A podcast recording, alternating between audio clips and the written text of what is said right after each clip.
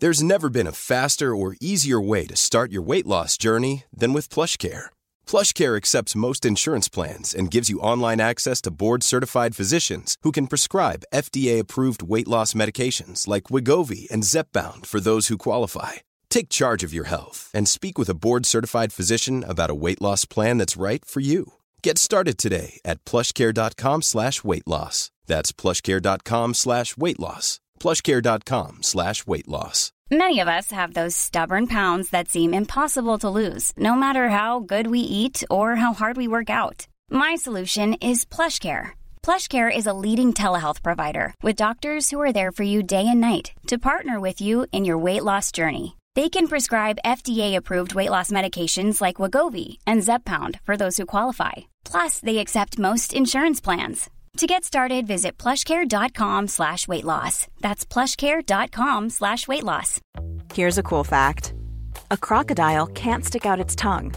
Another cool fact you can get short term health insurance for a month or just under a year in some states. United Healthcare short term insurance plans are designed for people who are between jobs, coming off their parents' plan, or turning a side hustle into a full time gig. Underwritten by Golden Rule Insurance Company, they offer flexible, budget friendly coverage with access to a nationwide network of doctors and hospitals. Get more cool facts about United Healthcare short term plans at uh1.com. Veckans sponsor är Telia. Hos Telia samlar man mobil, bredband, IT-support, mobilväxel, allt som gör företagande enkelt. Och det är just det här att samla allt på ett ställe, att ha någon att vända sig till när det inte fungerar, det är Telia. Ett exempel på vad som inte är Telia, det är ju som när jag lyckas boka förmötet för en poddinspelning med Finansinspektionen till efter själva inspelningstillfället. Eller när jag här, här året var liksom, fick för mig att jag skulle börja springa, så jag är liksom ute och springer taggad, träffar en kompis som säger så du Jan, på måndag ska jag springa ett lopp. Och jag känner så här, ja men det låter inspirerande, så jag käkar pasta, jag byter om, tar mig ner till Malmö stadion för att göra en efteranmälan, står där i kön och sen så när jag liksom anmäler mig så tittar de på mig och säger så här, du Jan, vårhuset är bara till för kvinnor. Och eh, det var, det var typisk en situation som inte är Telia. Oavsett, ett stort tack till Telia som sponsrar, gör Rika Tillsammans möjligt, men framför allt tack till dig som lyssnar, följer och eh, hänger med oss varje vecka. Det finns få eller inga nackdelar som jag kan hitta med att betala räkningarna direkt. Och dessutom så ger de en stor prepping-uppsida. Du lyssnar på Rika Tillsammans-podden som handlar om allt som är roligt med privatekonomi i den här podden får du varje vecka ta del av konkreta tips, råd, verktyg och inspiration för att ta ditt sparande och din privatekonomi till nästa nivå på ett enkelt sätt. Vi som gör den här podden heter Jan och Caroline Bolmesson. Idag är det dags för avsnitt 112 mm. och eh, idag är det ju nästan lite som julafton för mig. Ja, för... du har fått kombinera två väldigt kära ämnen. Ja, precis. Privatekonomi och prepping. Mm. Så att eh, tanken är väl nu här att vi liksom i två avsnitt eh, ska prata om så här 16 tips, eh, privatekonomiska eller hushållsekonomiska preppingtips. Mm. Eh, Spännande. Vi, vi får definiera det här med prepping sen. Ja, men... Eh, Känns som en sån grej som inte alla har koll på riktigt. Nej, men, men hur skulle du definiera prepping då? Alltså det, prepping kommer ju från engelskans prepare, ja. att vara, vara förberedd. Ja, precis. Och det finns ju en hel preppingrörelse ja. som inte har så mycket med ekonomi att göra. Ja. Utan mer som att man ska se till att man har ordentligt med mat hemma, ja. om det skulle bli strömavbrott i en vecka eller ja. något annat eh, o, vad ska man säga, eh, överraskande skulle hända i infrastrukturen liksom i Sverige. Exakt. Mm. Nej, för mig handlar det om egentligen att, att, att ha ett, ett, att man har en ekonomi som är förberedd eller robust. Jag gillar mm. egentligen ordet robust mm. eller uthållig. Att, att man liksom klarar hållbar skulle faktiskt också kunna vara ett, eh, ett annat eh, sådant ord. Men jag, jag tänker ju att faktiskt, eh, först och främst så ska man ju alltid ära den som äras eh, bör. Och eh, inspirationen till det här avsnittet kom faktiskt från en blogggranne mm. som heter Cornucopia, som är Lars Wilderäng. Han heter det? Han heter det, mm. precis. Och han, alltså jag vet inte, jag har ju träffat honom någon gång och jag blir alltid så starstruck, så jag känner mig som att jag träffar, liksom, du vet, man träffar en tjej på krogen när man var 15 och liksom visste inte vad man skulle säga. Yeah. Men för vi började väl blogga ganska samtidigt för mer än tio år sedan mm. och han skriver då om ekonomi och samhälle, politik, försvarspolitik. Så att det är faktiskt den enda bloggen jag läser varje dag. Mm. Um, så här, och varför han, blir du så starstruck? Är, jag vet det är en vanlig person. Liksom. Ja, jag vet, men han har skrivit böcker och jag ser upp till honom i vissa, vissa delar. Så att, ja. ja, jag tycker, eh, så han skrev i alla fall, eh, ett, eh, 21 mars 2019, så mm. skrev han en artikel som hette 10 privatekonomiska tips eller preppingtips. Och det blev du inspirerad det av? Det blev jag inspirerad av, så att eh, detta är liksom helt enkelt en utveckling mm. av den artikeln och sen så har jag liksom, jag delar inte riktigt hans åsikt i alla, i alla delar, eh, men eh, liksom det måste vara väldigt bra. Så jag har helt enkelt jag har lagt till, jag har utökat, jag har tagit bort. Så, så jag slutar med en lista som var 16. Så att, vad, du bara skrattar åt mig? Nej, det är roligt för att eh, har du mejlat honom nu sagt så att jag har tagit din lista och tagit bort lite grejer. Jag håller inte med dig om allt. Nej, Nej ändå inte. är du starstruck. Du gillar ju du gillar ju det där när du kan bli inspirerad av saker och sen få utveckla det, ja, eller hur? Ja, precis. Det är väl så här sanna civilingenjören mm. i mig. Så här, svårt mm. att komma på något eget, men man kan ta andras grejer och göra dem mycket bättre. Liksom. Mm. finns alltid ett bättre finns alltid ett bättre sätt att göra det på.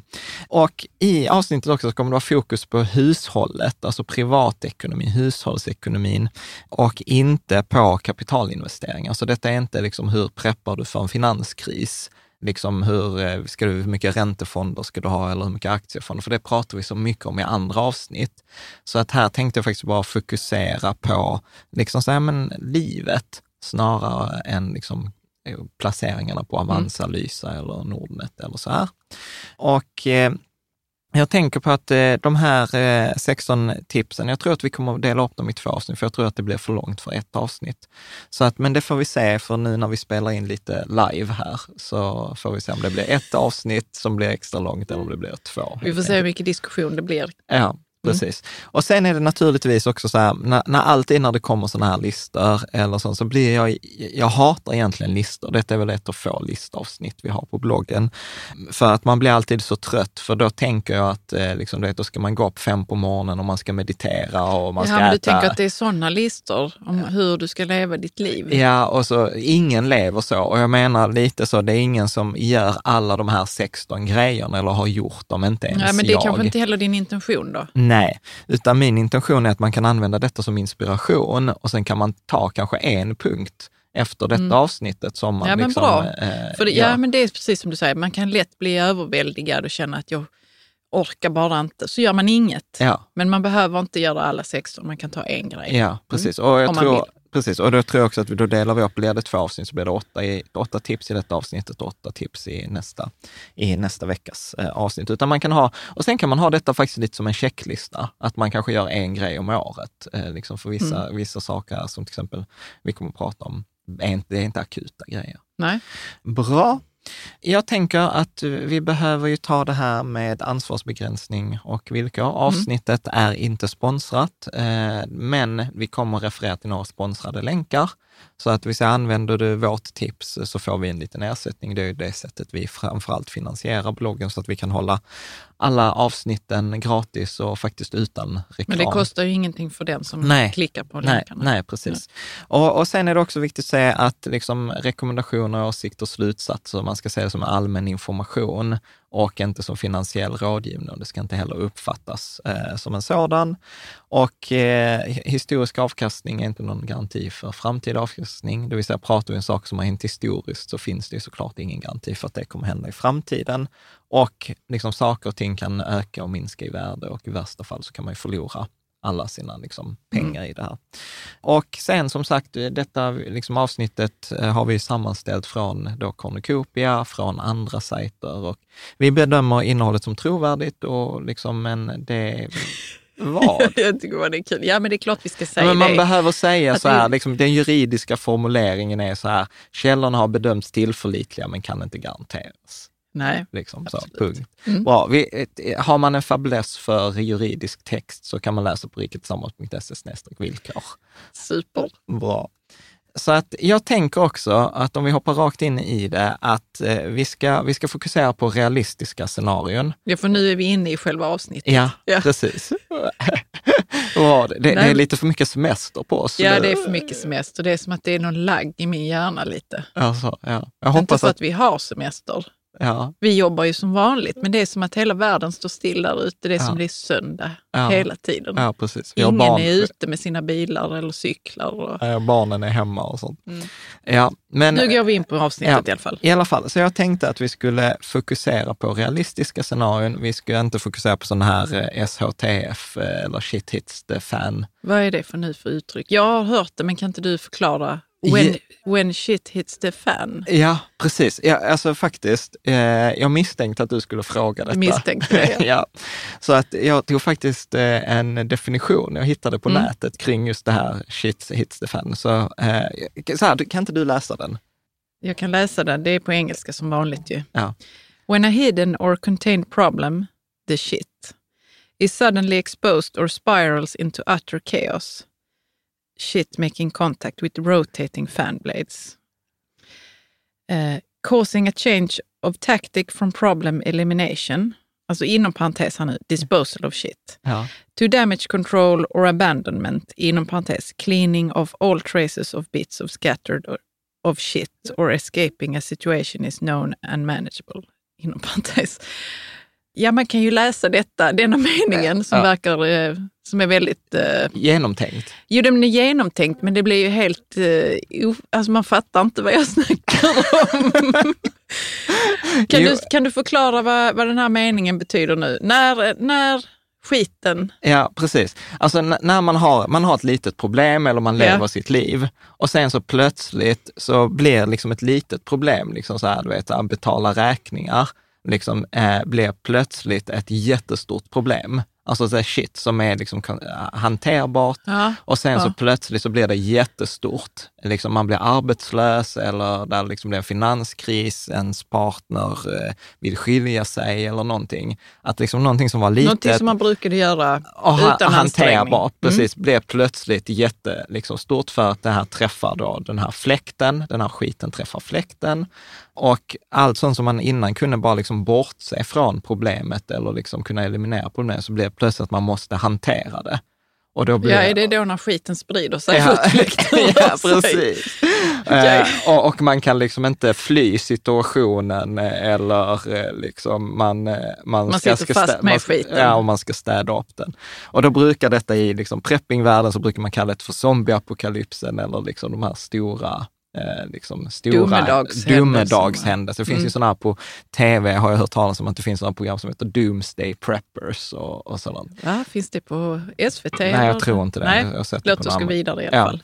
Så att i alla fall, så vi ska inte prata om så här eh, jättestora shit hits the fan scenarion, utan jag tänker att vi ska prata mer om så här ingen lön. Om man, om man råkar ut för det, man får ja. ingen lön, man blir arbetslös. Yes, precis, mm. eller man blir sjuk, eh, eller man ska liksom vårda barnen. Liksom så här, som vi hade en kompis, en god vän till oss, som vars barn liksom bröt eh, vad var det, lårbenet och sen fick de ja. vara på sjukhus mm. i flera månader. Eller mm. man har som, vi har våra eh, andra kompisar vars föräldrar är sjuka som de behöver ta hand om. Mm. Så att alltså, där händer så, man kan inte jobba eller där händer något som man inte får ut någon lön. Det, det är inte ett orealistiskt scenario Nej. någon gång ens liv.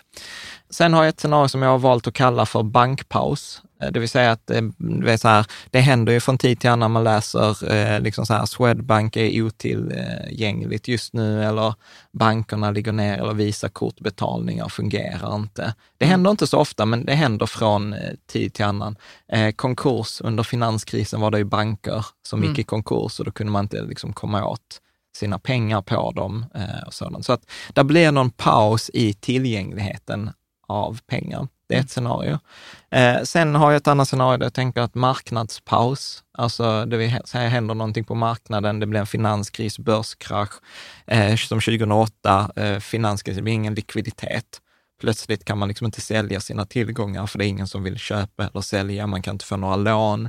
Alltså likviditeten. Nej, nej, okay. liksom, det handlar det inte om att man inte kan ta ut pengar då från bankomaten nej. som är bankpaus. Nej, precis. Utan det här är då liksom att det står stilla på, på marknaden. Det står stilla på marknaden eller att liksom, du vet, överreaktion, det blir 80, liksom börsen faller med 80 procent och du kan inte ta ut dina pengar liksom, för att du, det är bara så dumt att ta ut dina pengar.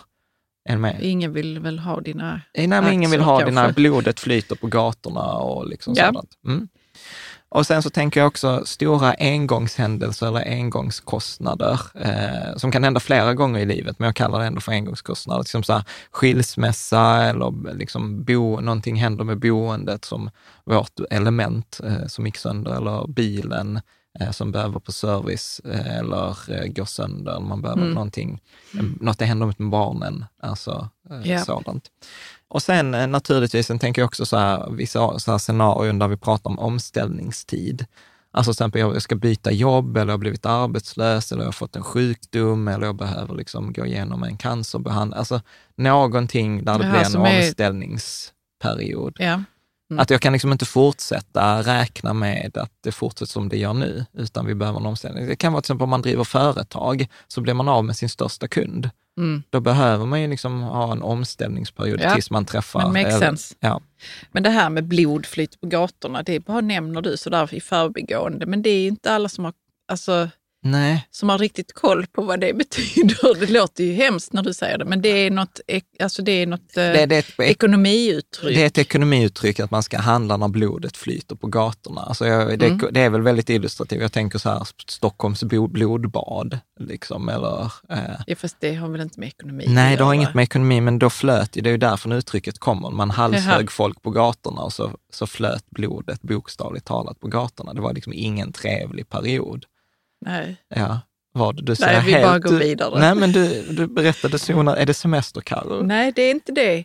Utan det var att jag ville bara liksom att du skulle definiera Okay. Eh, för du hade sagt det innan i, eh, när vi höll på ja. här, att ja. blodet flyter på gatorna. Okay. Men, det, men det kan ju vara så att alla inte har koll Nej. på vad det betyder. Okay, så, liksom. så i, i den finansiella betydelsen så betyder det när aktier är så billiga att liksom ingen vill ha dem. Liksom ja. Man vill bara sälja sina aktier, men det finns inga köpare. Mm. Eh, liksom, det är bara panik. Folk, vill, så här, folk slutar logga in på sina Avanza-konton. Folk, eh, liksom, så här, aktier, nej men sån skit vill jag inte befatta mig med. Mm. Alltså, och så, då säger man att blodet ja, flyter på gatan. precis. Och då är det dags att köpa. Ja, eh, perfekt. Bra. Men vi bra. kan väl gå in på den här då, eh, första tipset. Första tipset, ja. Precis. Första scenariot liksom. Ja. Mm. Så första eh, tipset så har jag satt eh, rubriken Ja, konton och pengar på flera banker ja. har du skrivit. Ja, precis. Och då tänker jag så här att eh, en månads utgifter eh, borde man ha på en annan bank än den ordinarie banken som man mm. har. Mm. Så alltså till exempel vi som använder eh, då till exempel Swedbank eh, till våra vanliga affärer, och det är egentligen ingen anledning förutom att våra föräldrar hade Swedbank, så där har vi varit skitdåliga på att byta, byta bank. Jag har ju haft Nord, eh, Nordbanken, hette det då, ja, men sen så bytte jag ju ja, för att, för att du hade, hade Swedbank ja, och vi hade allting där. Mm. Precis. Ja, så här, man ska byta bank. Man ska, jag såg någon siffra faktiskt som var så här, den genomsnittliga svensken är mer trogen mot sin bank än mot sin partner.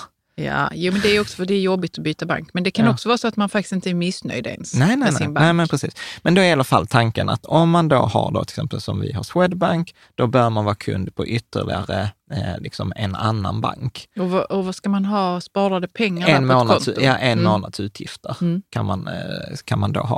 Och det behöver inte vara SEB eller någon storbank. Det skulle kunna vara Collectorbank eller Klarna. Alltså det är någonting mm. annat än den vanliga. För att säga att någonting händer då med Swedbank och jag inte kan logga in på internetbanken eller deras bank-id-lösning funkar inte eller någonting då vill jag ändå kunna komma åt så jag kan betala månadens räkningar. Ja. Särskilt om ja, detta det händer. Liksom. Mm. mm. Och eh, hur mycket pengar man, kan, man ska ha i sin buffert, då rekommenderar jag att titta på avsnitt 63. Mm. Eller lyssna på avsnitt 63. Där pratar vi mycket om det här med buffert och liksom hur man kan tänka. Och där är till och med så överkursavsnitt, eh, hur man kan liksom, eh, för den som är, liksom tycker att det är jättekul. Sen ska man ju då också komma ihåg att eh, insättningsgarantin gäller upp till 950 000 kronor. Innan så var den faktiskt i euro. Så att då varierade den med Tio gånger mer pengar? Nej, nej, nej, då det var det, inte. nej, utan det var 100 000 euro. Ja, för okay, det är den EU. Ja, Men till exempel då eh, nu när euron ligger på över 10,50, då hade det varit 1 miljon 50 000. Mm. Medans det är rätt stor skillnad ändå. En 950 000. Så det bör man komma Och där är det också så att insättningsgarantin gäller bara insatta kontanta medel. Ibland tänker folk så här att nej, men gäller insättningsgarantin om jag köper räntefonder eller aktier? Det gäller inte. Det gäller bara kontanter på mm. konton och det gäller. Så att vill man ha, har man det lyxproblemet man har mer än en miljon, så är det bättre också då att dela upp det på flera banker. För insättningsgarantin gäller då per 100 000? Mm. Eh, nej, 950 000. 950 000 100 000 euro. Mm. Där finns vissa specialregler, ibland att det gäller per konton och per person eller så här, men eh, det får man nog kolla det får man kolla upp om det är mm. aktuellt. Eh, liksom. det är, nu kommer jag faktiskt komma med ett, ett sånt här eh, förhandstips och en, en sponsrad länk. Jag har ju liksom dratt mig för att göra det här bästa eh, kreditkorten 2019 avsnitten. Eh, för att eh, de kreditkorten jag rekommenderade förra året, Preem, har, inte blivit, har blivit sämre. Nu såg jag någon kommentarstråd att de ska börja ta betalt också, eh, vilket var så att det blev dåligt.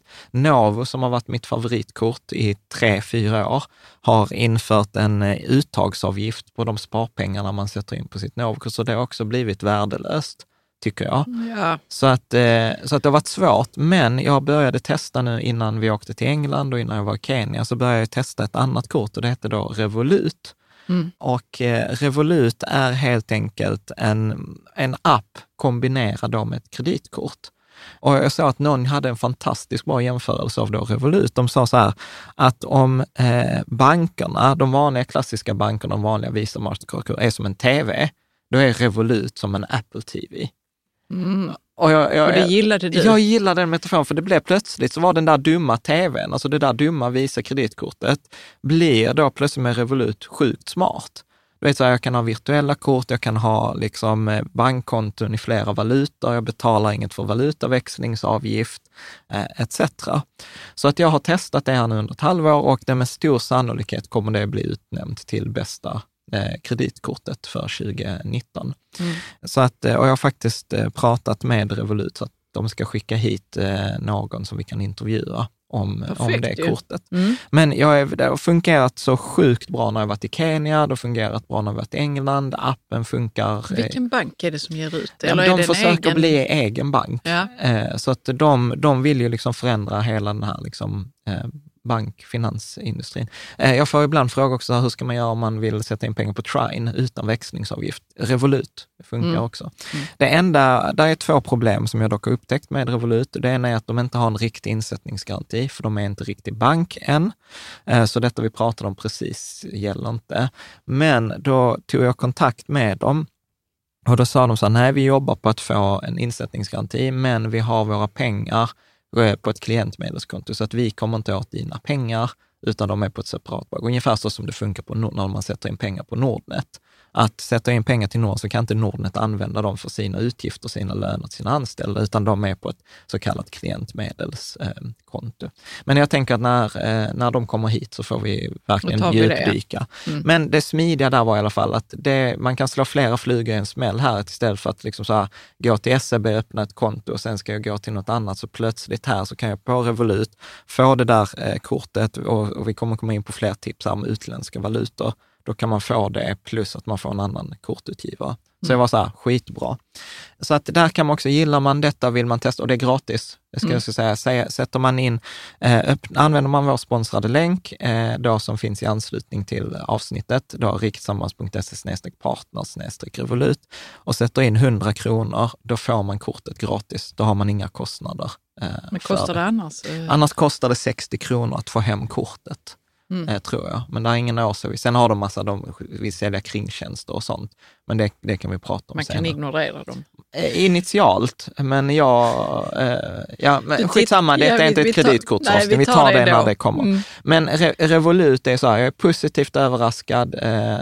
Och, och, man kan använda det i, i sin ekonomiska ja. prepping. Ja, Mm. Precis, som ett eh, komplement. Och så ska det också sägas, det är inget kreditkort, utan man måste sätta in pengar, så det är ett betalkort. Och det är väl inte heller kanske helt negativt. Bra, så det var det första, då repetition. Konton på, flera, eh, på pengar på flera banker. Mm. Sen kan man också säga att en annan fördel med att ha flera banker är det som brukar kalla för träningsbankskonceptet. Ja. Eh, som vi har pratat om i flera avsnitt, att när jag ska testa någonting och jag behöver bankens hjälp så går jag alltid till den här banken där jag bara har en månads utgifter och sen testar jag så här, jag skulle vilja köpa detta huset, går det? Och så säger de massa frågor och sen brukar jag aldrig vara så smart att jag fattar vad jag ska svara där och då. Då kan jag gå hem, prata med dig, prata med kompisar, sen går jag till Swedbank, till huvudbanken, och sen låter man alltid sjukt smart. Så man är jag, förberedd ja, på deras frågor. Precis, mm. så jag hoppas att inte att vår bankkontakt lyssnar på detta, utan då kommer man vara så här, du, du får komma hit först. ja, men bra. Då går vi till nummer två nu då. Ja, ska du läsa? Betala dina räkningar direkt. Mm. Har du skrivit. Ja, mm. och sen har jag skrivit också så här, det finns få eller inga nackdelar som jag kan hitta med att betala räkningarna direkt när man får fakturan. Eh, och dessutom så ger de en stor prepping-uppsida. Eh, faktiskt, för att det kan ju hända eh, till exempel så här att, att eh, pengarna, man har kanske inte täckning för man har investerat sina pengar eller man inte har tillräckligt mycket pengar på kontot, så plötsligt blir det räkningar som inte blir betalda. Det är mm. ett problem. Mm. Den andra nackdelen som folk säger, men så här, men, eh, om jag har pengarna dras den 30 så får jag lite ränta under tiden. Nej, vi får ingen ränta. Alltså, den är ju... Den är noll. Det... Så att det är helt... Jag har eh, faktiskt aldrig ens tänkt tanken att man får ränta. Ja, nej men du men får, man får ingen, inte det i alla Nej, du får nej. ingen eh, det. Och då menar jag också, när jag menar att betala direkt, så menar jag inte så, lägga in dem i banken och sätta för betalning på förfallodatum. Jag menar betala dem direkt, så att pengarna dras. Eh, för att vad man gör är att då köper du dig en månads prepping. Mm. För då har du ju betalat den för de kommande kanske 45 dagarna. Ja, men det är väldigt smart. Mm. Mm. Och, eh, och sen en annan sån här grej, jag hatar Klarna. Alltså, ja, jag vet inte. Jag gör också det, men ja, jag vet, ändå alltså, använder jag dem. Ja, men så här, de är fantastiska på hur enkelt saker är. Men allvarligt talat, jag vet inte hur många gånger jag har betalat den här jävla, förlåt att jag svär, den här jävla påminnelseavgiften på 60 kronor. Uh, ja, så, men, alltså, grejen är att uh, om, vi, om jag bara får ta det här, ja. ett sidosteg här nu. Ja. Man ska ju ha appen Klarna och där i ser man så, nu är det två dagar, då ska jag betala min räkning så det inte förfaller. Ja. Men jag har tagit bort den appen i min telefon för att jag handlade annars liksom, och höll på. Men jag har ändå koll på det och sånt och jag vill ju handla mindre. Så att nu så är jag, jag handlar mindre och jag är på Klarna ja. då och då och kollar så. Nu har jag väl inget som förfaller här ja. väl. Nej, men, men jag... det är väl också så de tjänar pengar? Ja, ja förmodligen. På förfall, eh, förfalloavgiften, ja, eller vad det heter. Precis. Påminnelseavgiften. Påminnelseavgiften. För jag vet inte, alltså jag, jag betalar aldrig några, alltså om jag ska titta de senaste, för vi har ju liksom så koll på alla våra utgifter i tio år tillbaka. Jag lovar, jag har aldrig betalat så mycket påminnelseavgifter som jag betalar till Klarna. Så jag är så här nu, nej, jag vägrar. Liksom. Ja, jag men vet du vad? Nu när vi ändå är inne på det här, betala dina räkningar direkt. Ja. Med Klarna kan man ju få varan först och sen betala. Ja. Men då ska man ju betala den med sitt bankkonto direkt ja. på Klarna. Så, att, så är det ju klart. Så brukar jag göra nu. Ja. jag tycker det är sjukt skönt även om det är flera tusen, så tar jag, nu betalar direkt så ja. jag slipper ha det sen att det hänger. Ja. Och hur många dagar var det nu? Alltså. Ja. Och så har det någonting, förfallit. någonting för mig funkar inte med det där. Att det, liksom Nej, men jag tror du är inte ensam. Ja, ja, ja, ja så här, det är snälla. många som har påminnelseavgift från Klarna. Ja, så att, och, och, grejen är, då ska man ändå säga så att vet, jag sköter ändå ekonomin för vårt hushåll. Jag sköter ekonomin för fyra aktiebolag. Så det handlar inte om att jag är slarvig, utan där är någonting bara liksom i den processen. Mm, men de har som... nu räknat ut att deras, deras affär är att du har bara 10 dagar eller 14 dagar och den, det förfallodatumet är innan. Ja. Alltså det kan ju vara så 23 ja. och då betalar du inte dina räkningar förrän ja. 29 så ja. är du körd ju. Ja. Det, det, är nog deras affärsidé. Ja, så att, eh, ja, skitsamma, vi behöver inte prata, ja, vi behöver inte prata mer om det. det. Men i alla fall, jag, jag gillar det där, betala dina räkningar direkt. Ja. Mm. Precis. Och, och, sen så tror jag också att det är viktigt här att man skiljer på företag och privatperson.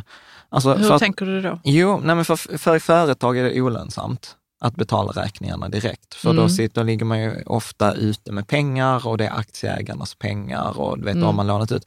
Och, där, och det känns som det har spridit sig från företagsvärlden till privata, att man ska betala på förfallodatum. Men, men det är en jättestor skillnad där man liksom på företag, när man har leverantörsreskontran och man har bokföring, man har ekonomer, man har datasystem, betalfiler mm. eh, och sådant. Så att jag tror att liksom motiveringen, för jag, upplever så att folk skulle kunna invända mot detta och säga så här, men det är mer lönsamt eller företag gör på det sättet. Och jag säger så här, här det har ingen uppsida. Nej. Eh, på, på det Inte sättet. för privatekonomin nej, i alla fall. Nej, nej. precis. Okej, okay, eh, men då går vi vidare till tredje punkten då. Ja. Mm, och det, det här har du skrivit kontanter i reserv. Mm. Nej, men jag tror att det handlar om att ha kontanter tillgängliga ifall att liksom, digitala be betalningar och digitala pengar inte är tillgängliga. Och detta är faktiskt en sån här, eh, Conny skrev ju om det, men jag hade faktiskt detta från min mentor, från Klas-Erik, för han hade alltid typ, jag vet, det var alltid en 500-lapp i bilen. Eh, liksom ja, eller i, i, någonstans i plånboken, ja, ja, eller under alltid, telefonen. Nej, men precis. Han hade mm. alltid i plånboken och sen så hade han alltid, för han var så här, ja men går bilen sönder så ska jag alltid kunna tanka, detta var 15 år sedan. Jag vill alltid kunna tanka en full tank eller jag vill alltid kunna ta en taxi hem eller jag vill liksom alltid kunna liksom lösa det situationen. Där, lösa ja, men det är, situationen. Mm. Så att man kan diskutera mängden eh, pengar man ska ha i reserv, kontanter i reserv. Framförallt eh, eftersom det är ett försäkringsperspektiv på det, att eh, man blir bara ersatt, tror jag, upp till 4 000 kronor vid stöld eller vid eh, så. Men jag tänkte, minns du när vi hade användning för din 500-lapp som du hade i, i, liksom, i telefon, under telefonen ja. eller någonting sånt där när vi var i Thailand för flera år sedan, tio år sedan kanske det var. Ja. Och så var vi i Bangkok och vi skulle åka hem dagen efter eller vad det var. Ja. Och jag, vi skulle ut och gå och jag, min, jag hade myggbett som hade blivit infekterade. Mm. För det var så varmt där. Och jag bara, vi måste tillbaka till hotellet nu! Mm. Hotelldoktor, vi måste ha hotelldoktor. Och så hade vi, jag kommer inte ihåg hur det var, vi hade inte cash eller någonting sånt där mm. i eh, valutan. Liksom. Mm. Så hade du din 500-lapp, din ja. svenska 500-lapp. Och så kostade det ungefär det. Ja för att få hotelldoktorn liksom till sitt rum. Ja. Och då hade vi användning för den. Och det har jag tänkt på ända sedan dess. Har jag alltid velat liksom... Jag har haft 500 kronor periodvis under telefonen eller liksom... Ja. Jag är i själva... Du får ha det nu igen. Efter... Jo, men det var väldigt bra. De ville inte ha våra svenska. Du fick växla och sånt. Inte. Men det var i alla fall superbra. Ja, men jag minns det som att det var en räddare i nöden. Alltså. Ja, jag ser där. Ja. Mm. ja, grymt. Tack. Mm. Eh, och, det är precis då som vi sa, att bra att ha i plånboken, bilen, hemmet ja. Eh, på liksom olika, olika ställen. Och ja, alltså gud, du bara, bara berättar ju din historia här, så ha, bra att ha när kreditkortet inte funkar. Mm. Och sen är det, jag vill faktiskt understryka det som du sa, att utomlands så är det ju fortfarande så att cash is king. Jag var ju precis här för några veckor sedan i Kenya och det är roligt, på vissa ställen så vill de inte ens ha kenyanska pengar, utan då vill de ha US-dollar. Liksom yeah. Så att US-dollar känns ju ändå på någonstans, alltså har du US-dollar så kan du fortfarande betala precis var som helst i hela världen. Och det ska man inte underskatta. Nej, liksom men hur gör du nu då med, vad har du? Vad har du? Du pratade om US-dollar med mig häromdagen och sa mm. att jag borde liksom sätta lite pengar i det. Ja. Men vad, vad tänker du kring det då? Alltså själv, i privatekonomiskt? Liksom? Ja, men privatekonomiskt så, så tror jag att det är bra att hemma ha lite, an, det kommer annan till, valuta. Annan valuta. Mm. Ja, så jag tror det är nästa tips faktiskt. Ja, okay. och, och, att liksom så att inte bara ha pengar i svenska kronor. Så till exempel, eh, jag minns ju mina släktingar, som liksom mina föräldrar är från Tjeckoslovakien, gammalt kommunistiskt land. Under 80-talet, när det var kommunistiskt, då hade de ju alltid D-mark i kontanter. Ja, den Deutsche, ja, liksom, eh, Deutsche Mark. Ja, precis. Det var en bra... Eh, det var en bra, för det var en västvaluta. Och ja. med den kunde du liksom så här, skulle du bli smugglad ur Tjeckoslovakien till exempel, ja då betalar du inte med tjeckiska kronor, då betalar du med US-dollar eller D-mark. Mm. Men det var mycket enklare att få D-mark för att Tjeckien ligger bredvid Tyskland. Yep. Liksom. Så, att, mm. så att eh, kontanter i, i reserv, eh, mängd kan man diskutera, eh, men det är bra, bra, att, eh, bra att ha. Mm. Och eh, sen, ja nu blir det naturligt här, utländsk eh, valuta som tips nummer, nummer fyra. Mm. Och här då tror jag att det handlar om att ha en del av de digitala likvida medlen i utländsk valuta. Ja, det var det du menade när du pratade med mig om att jag skulle ha US-dollar. Ja, mm. precis. Nej, men alltså för att om vi tar nu, så nu spelar vi in detta 2019 och under året så kan man väl säga onekligen att den svenska valutan har svängt att den har ju tappat i värde mot US-dollar, mot euro etc. Och det betyder ju de facto att i Sverige så blev vi liksom fattigare våra pengar förlorar i värde. Vi kan inte köpa lika mycket utomlands som vi kunde innan. Och, och, och svenska kronan är ju en liten skvalpvaluta. Så att eh, jag tycker att man ska ha en del pengar i, i, andra, i andra valutor. Och då till exempel, som jag skrivit här också på, eh, liksom, eh, på sliden, att en bra fördelning kan till exempel vara så att man har 50 procent av sina likvida medel i svenska kronor men sen kan man ha 25 procent av sina likvida besparingar, så då i buffertinken, i, på ett eurokonto eller i USD eller i schweizerfranc. Mm. eller någon annan valuta. Och detta är ju, detta är ju normalt ganska, eh, ganska svårt eh, eftersom då att få tag på de här kontona, liksom, att få att tag på ett... Ett eurokonto, ja. tänker du? Mm, just, Euro, precis, just eurokonto är faktiskt lite enklare, för det kan man göra via Avanza eh, och Nordnet. US-dollar kan du också ha via Avanza och Nordnet. Så att har, är man kund där redan så kan man bara liksom ansöka om, om ett sådant konto. Men också, här kommer vi tillbaka till det här med Revolut som vi pratade om innan.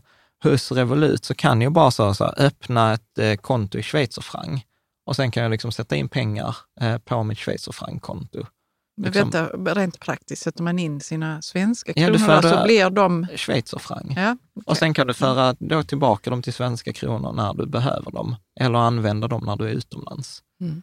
Så att, eh, för att liksom, annars alternativet är att hade, jag liksom, hade vi gjort detta för 20 år sedan så hade vi sagt att ha ett bankkonto i Schweiz eller utomlands. Idag är det ju dock i princip omöjligt att öppna ett bankkonto utomlands. Mm. Eh, så att därför, Men varför är det så om jag bara får all lagstiftning. Så här, varför ska du öppna ett konto här? Försöker du smita med dina skattade pengar? Ja. Och sådant. Men eh. jag tycker att det borde man få göra ifall man vill. Ju. Alltså, ja. man, jag tar ju mina pengar som är skattade på mitt mm. svenska konto och bara sätter dem mm. någon annanstans. Vad är... Jo, precis. Men hur vet den banken där du sätter dem att de är skattade? Och att de har kommit alltså, Jag lagligt. är lite naiv. Jag tror att, de är, liksom, att det finns någon slags konsensus och kontakt. Liksom där att ja, det är it's okay. Liksom, nej, att det, nej, de får grönt ljus på något vis nej, i nej. överföringen. Nej, nej. nej. Det är ju därför vi har haft alla de här penningtvättsproblemen. Ja, nej, men detta, men det, och detta är ju att folk, det är ju det som till exempel, som jag liksom så här, nu låter jag här som värsta fanet av Revolut, men jag är liksom så här, nyförälskad. Men man fattar ju att det är det de har gjort. Att de är så här, liksom, det är ju jättekonstigt att det ska vara så svårt att öppna ett konto i en annan valuta. Mm. Det är jättekonstigt att det ska vara att det liksom, Eh, svenska bank, varför har vi inte Apple Pay på alla svenska kreditkort? Varför har vi inte liksom ett virtuellt kort, eh, en virtuell kopia av mitt Visakort, så när jag ger ut mina pengar så behöver jag inte oroa mig för att det blir hackat. Alltså det är så här basala, enkla grejer. Varför ska jag betala växlingsavgift eller uttagsavgift när jag ska ta ut kontanter? Mm, eh. det är sånt som vi bara accepterar. Ja, Men ap apropå det med att bara acceptera saker. Mm. Vi kommer ju beröra det, hur utländska banker funkar, speciellt eh, amerikanska banker. Ja.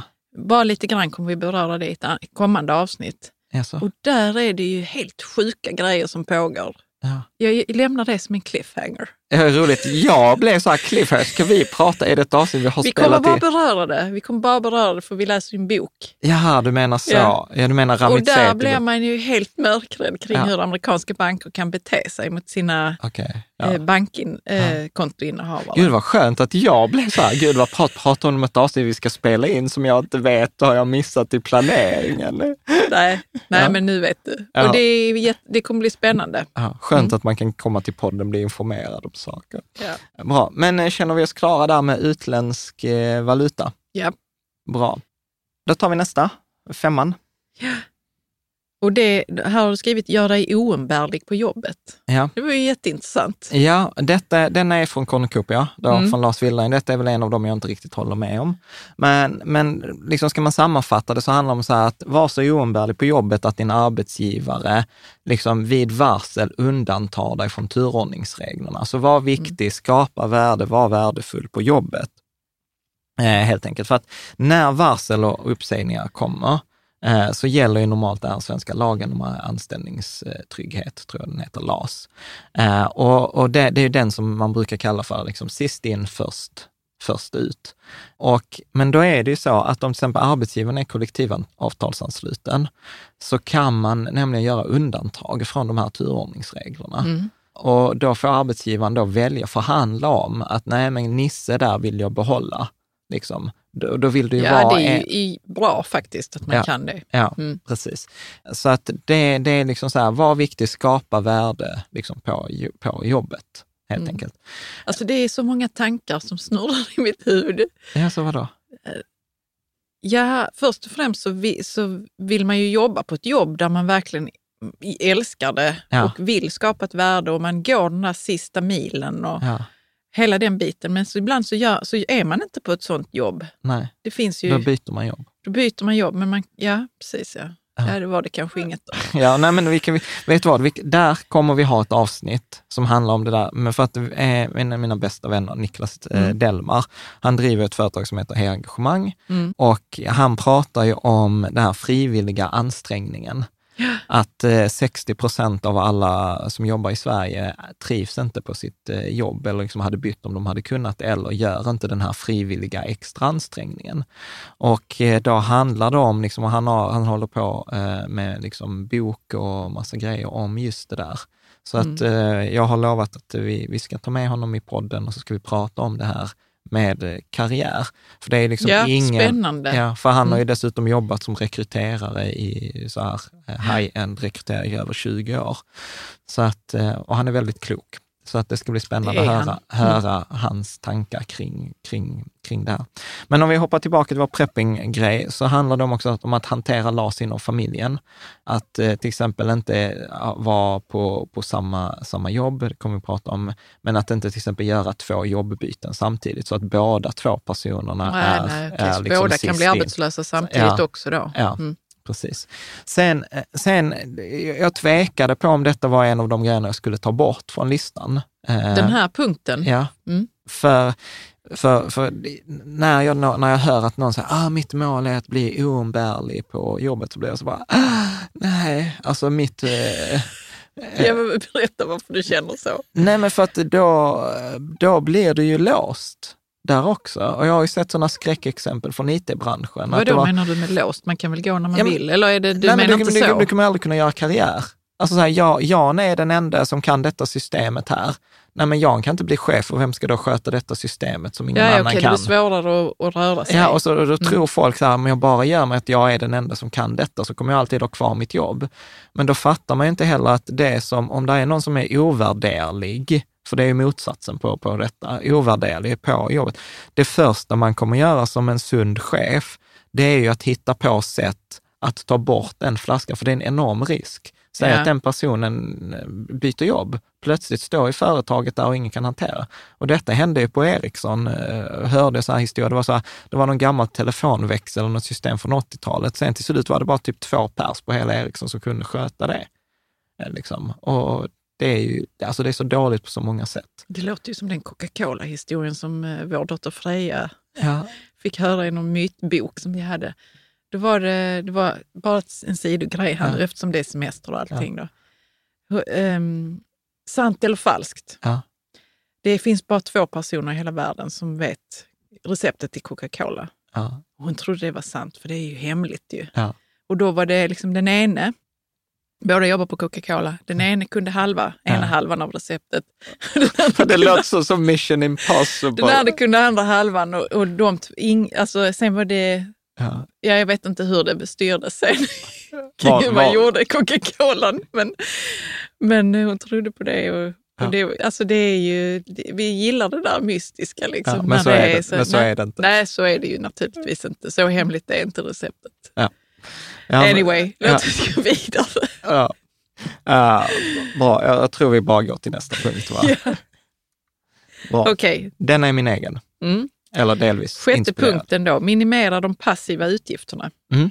Mm. Och då har jag skrivit så här, fördelen med att hålla sina eh, passiva utgifter så låga som möjligt är att man i en kris snabbt kan anpassa ett, eh, ekonomin till ett nytt nuläge. Och då tänker jag så här att ju lägre passiva utgifter, och för mig passiva utgifter är ungefär samma sak som fasta, eh, fasta kostnader. Det är liksom helt enkelt eh, utgifter eller kostnader som jag inte kan välja. Mm. Alltså jag måste ha mat, jag måste ha någonstans att bo, jag bör, måste ha en hemförsäkring, jag måste liksom sköta min hygien. Och, alltså den typen passiva utgifter.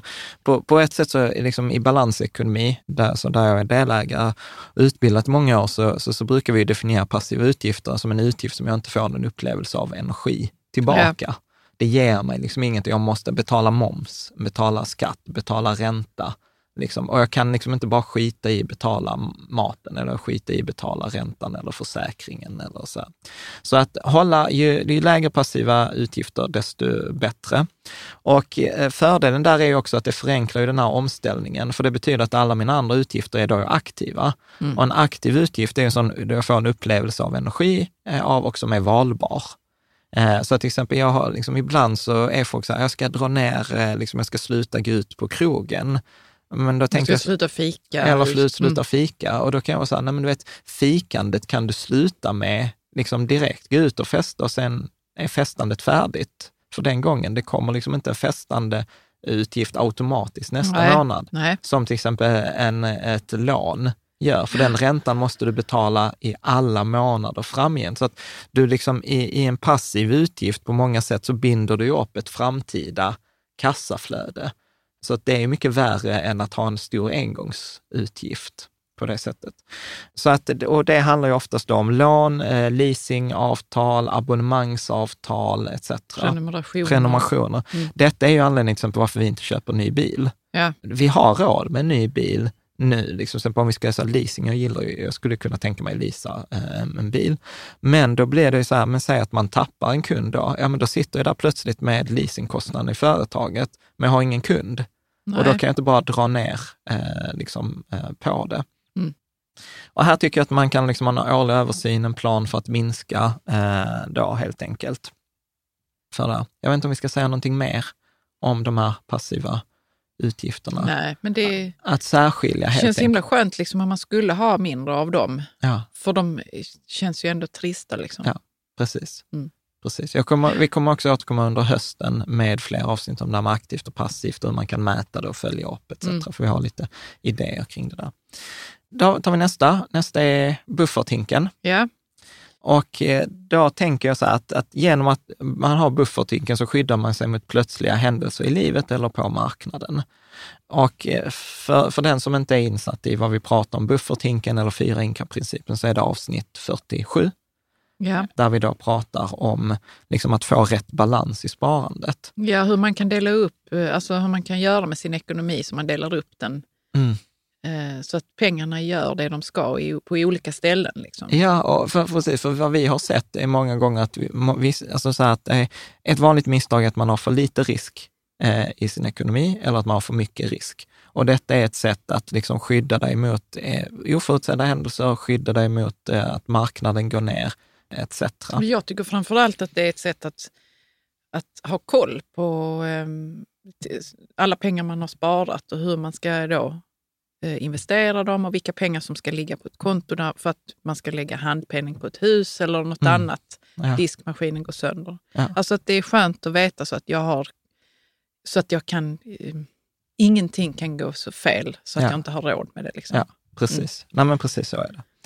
Bra, så avsnitt 47 eh, mm. och eh, summan då i bufferthinken, det ska ju tillsammans med försäkringar täcka ett års utgifter. Så att detta är liksom... Hur mycket kan det vara då? Nej men grejen är så att det är många som, det var ju Ann Wibble som kom med detta, hon har fått mycket skit eh, och blivit episk eller klassisk i privatekonomi, att ta en årslön på banken. För grejen är bara att det är ouppnåbart för de flesta. Men grejen är också att det är dumt utifrån kanske en ekonomisk synpunkt, utifrån en, det som man kallar för alternativkostnad. För att ha kanske eh, då 500 000 eh, som ett hushåll kanske kan ha under ett år. Eh, att ha 500 000 stående på ett konto utan ränta, när vi dessutom har en valuta som minskar i värde och inflation, inte, ja, super, inte supersmart, smart, då är det bättre att investera dem. Så därför i buffertinken säger jag så här, men man behöver ju inte täcka ett helt års utgifter, för att du har ju kanske två månaders uppsägningstid. Ja, men då kan du dra ifrån de två månaderna. Du har kanske en inkomstförsäkring på 80 procent av din lön i sex ja, månader. A-kassa, ja men då kan du dra ifrån det också. Så att det behöver inte sluta med så mycket pengar som det först låter, som ett Nej. års mm. liksom, mm. utgift eller en mm. årslön. Mm. Så, så att eh, liksom för beroende på vad man har för livssituation och ekonomisk möjlighet eller något sånt, men för oss så är detta runt 100 000. Liksom. Mm. Eh, som blev det vi behövde ha. Då. Sen är det så att vi har två små barn, vi bor i ett hus som där saker och ting går sönder, så nu fick vi använda var det 25 000, typ 30 000 till liksom, nya element och VVS-lagning. Liksom, mm. Så då var det typiskt eh, för det. Bra. Eh, sen har vi en kompis, Filip, som också varit med i ett annat avsnitt här, Affärsängel, tror jag, avsnitt 44. När han har en tes, han brukar säga så här, försäkra det du inte har råd att betala. Vi har lite olika åsikter för jag är väl liksom räddharen, så jag vill försäkra ja, du gillar mer. Försäkringar. Jag gillar försäkringar. Men här handlar det om som att till exempel att ha försäkringar för hemförsäkring, olycksfallsförsäkring, barn eller bilförsäkring, eh, livförsäkring eh, och sådant också. För det gör ju att du minskar kapitalbehovet, du behöver vara bundet i buffertinken. Mm. Sen behöver man ju då dock komma ihåg att vid en anstormning Eh, till exempel om många blir arbetslösa samtidigt, eh, eller eh, liksom så, då kan det ta tid eh, innan, man, man, innan man får pengarna från försäkringarna. Eh, liksom innan eh, då, liksom a-kassan eller för, företaget som har liksom inkomstförsäkringen börjar betala ut. Och det märker man väl också, särskilt i sommartid, att allt tar mycket, mycket längre tid. Mm. Så det bör man väl också vara medveten om. Ja. Bra. Men då är vi på... Eh... Nu det sista för dagens avsnitt. Ja. ja. Punkt åtta. Mm. Diversifiera arbetsgivare. Ja, mm. Eh, och där tänker jag också att man ska öka riskspridningen genom att inte jobba i samma bransch och inte hos samma arbetsgivare. Alltså du tänker om man är en familj? Ja, Mm. Precis. Eh, så att eh, till exempel så här, för att konjunkturen, när man har en konjunkturnedgång till exempel, så drabbar den olika branscher vid olika eh, tidpunkter. Till exempel vissa, vissa företag drabbas alltid först. Eh, och sen så, så det här låter ju som ett jättebra tips, men alltså egentligen... Ja, vi, man kan ju vi följer på inte ens jobbet och sen båda vill jobba där. Och ja.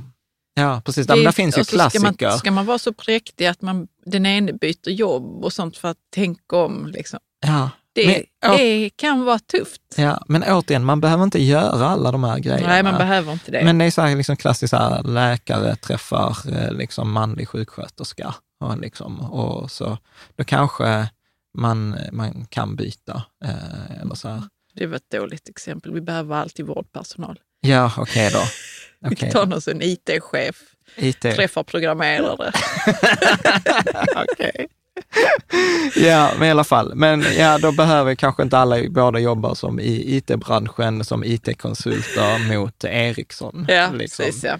Det är väl kanske lägga lite för många ägg i samma risk. Och sen dessutom kan man ju då investera i Ericsson för man tycker att man känner till det. Ja, och då så, har man en riktig ordentlig sm ja, smäll. Ja. men, precis, men tydligen är inte detta ovanligt för att detta kommer ju upp i avsnitt 107 med Pontus Kopparberg mm. som var vd. Han sa så här, liksom, det finns ju folk som jobbar i fastighetsbranschen som har spekulerat i nybyggnadslägenheter, som bor i Stockholm och alltså så här, allt handlar om fastigheter, så har man en enormt stor exponering mot, ja. eh, mot det.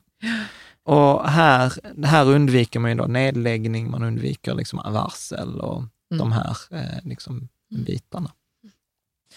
Bra, så detta var eh, åtta avsnitt. Ja, eh, eller åtta, åtta tips, förlåt, åtta tips ja. Av 16. Av 16 ja. Mm. Så vi har åtta tips till, till nästa avsnitt, till nästa söndag.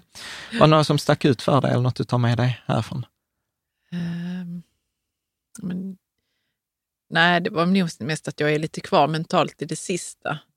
Att jag kan tänka mig att, att um, det kan nog sätta igång lite ja. för många som jobbar inom samma bransch, liksom, ja. eller sam, mot, mot samma ja. uppdragsgivare. Och så.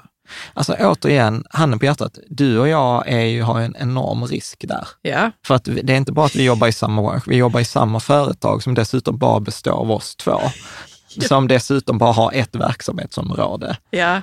Uh, så, att, så att det är ju inte superbriljant. Uh, Nej, så sitter jag här och skrattar. Ja. Nej, men det är det inte. Och så tänker man ändå så här, men det är lugnt, alltså vi har ju koll. Ja, men. precis. Nej, men, men det kan ju... Men alltså, det, visst, det kan sätta igång tankarna. Ja, och, och, och, grejen är hur vi tänker till exempel kring, vi kompenserar ju detta med att ha en ganska stor buffert för en sån här mm. grej. Men säg att det, alltså, du vet, det har jag ju tänkt på, du vet, tänk om liksom här, bloggen skulle bli hackad och vi blir av med alla artiklar. Är med? Plötsligt har vi ingen blogg. Vad, vad, gör vi då? Alltså så att det är en enormt stor risk. Men det är väl liksom som eh, du satte upp på kylskåpet vid ett tillfälle, det här citatet från Elon Musk. Ja, som tydligen är från Mark Twain. Men okay. strunt samma. Elon Musk sa att man, det är okej att ha äggen i, alla ägg i samma korg så länge man kontrollerar vad som händer med korgen. Till 100 procent. Ja, till 100 procent. Ja. Typiskt honom ja, att gilla det. Ja, så att, eh, så att återigen, alltså lite sunt förnuft. Detta är inte något så att det var pekpinnar och kommer från Oben eller att vi har det perfekt, utan tvärtom är det många av de här tipsen som, eh, som vi inte ja, men själva bryter mot. Men det, återigen, det handlar inte om att göra rätt. Det handlar om att ta ett medvetet val och att tänka igenom. Ja, liksom och kanske göra det som krävs för att man ska kunna leva med det valet. Ja, mm. och då kanske det bara är så här, okej, okay, nej men vi kompenserar eh, att vi är på samma arbetsplats genom att multiplicera bufferthinken med 2,5. Mm. Pang, så är det färdigt. Mm. Liksom, för då klarar man eh, två års arbetslöshet, ja. till exempel. Så att, eller att vi tar en högre inkomstförsäkring. Eller, ja, men det finns hundra lösningar. Men då är man i alla fall medveten om det. Och det är väl lite eh, som vi sa i det här avsnittet som vi hade för några veckor sedan här med Erik Strand, att eh, Erik har den egenskapen ibland att när man träffar honom så mår man ju lite sämre efteråt. För man har ju lärt sig nya saker och man kanske liksom var lyckligt omedveten.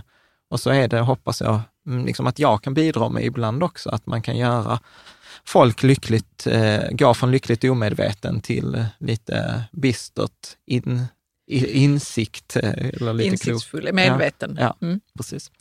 Bra hörni, eh, jag tänker att vi ska runda av detta mm. avsnittet, för vi är snart uppe i en timme. Eh, och jag tänker så här, vill man hänga med oss även i framtiden och framförallt få nästa veckas avsnitt med de resterande åtta tipsen, så bara prenumerera på oss i din poddspelare om du, lyssnar på detta. Eller om du är på Youtube-kanalen, prenumerera. Numera bör man tydligen klicka på någon klockikon, har jag förstått, för att få notiser om när det kommer nya videoklipp. Okay. Eh, så att, ja, jag ja. vet inte riktigt. Så för att lägga ut så mycket på Youtube så är jag ganska dålig på Youtube själv. Eh, nyhetsbrevet naturligtvis på riketsammans.se kan man fylla i, komma ut en gång i månaden. Och eh, sociala medier, vi är mest på Facebook. Twitter har jag inte varit på flera månader. Eh, men eh, face, på Facebook ställer jag ut ibland så här frågor. Mm. Sen naturligtvis, jag vill säga ett stort tack till våra patroner, de som stödjer oss, eh, som gör det möjligt till stor del att vi kan hålla de här eh, avsnitten reklamfria, att vi kan tacka ner. Jag tror jag har tackat ner till 15 eh, reklamsamarbeten senaste tre veckorna om kasino. Jag vet inte, det är någon sån här kasino Ja, det är ändå eh, roligt sjuka. att de vänder sig till dig. Ja, ja. Nej, skitsamma, förlåt. Så att, nej, det var inte meningen. Vi vill inte ha reklam. Vi vill inte ha, framförallt inte kasinoreklam. Så att tack till dig som är patron mm. eh, och som stödjer oss. För dig som inte vet vad det är, då är det ett sätt hur man kan liksom välja, så, men jag, vill, jag vill bjuda Jan och Karo på en fika, liksom 30 kronor eller 50 kronor i månaden. Alltså man donerar, så man donerar 30 kronor. Ja. ja. Och sen försöker vi ge lite extra material i, i utbyte. Eh, vi har haft sån här digital träff med massa Patreons, där vi satt två timmar en onsdag kväll och, och pratade. Och var ska man gå då om man vill titta närmare på detta? Ja, Patreon.com rika tillsammans. Mm. Patreon.com rika tillsammans. Så att vi, det är liksom, och jag delar också med mig ibland av andra typer av sparande, sånt som inte riktigt funkar i en helt öppen miljö som bloggen, för vi har viss lagstiftning som säger så här, vissa saker kan man bara gå ut med till ett slutet eh, mm. sällskap. Mm. Mm. Så att eh, det är lite, lite sådana, lite perks ska man, ja. ska man ha. Så att eh, med det så tänker jag att eh, tack för den här veckan och ja. så ses vi i del två eh, nästa söndag. Tack!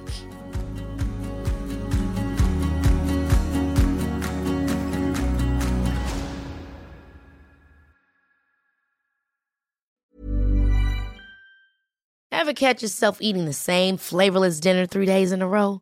Dreaming of something better? Well, HelloFresh is your guilt-free dream come true, baby. It's me, Gigi Palmer. Let's wake up those taste buds with hot, juicy pecan crusted chicken or garlic butter shrimp scampi. Mm.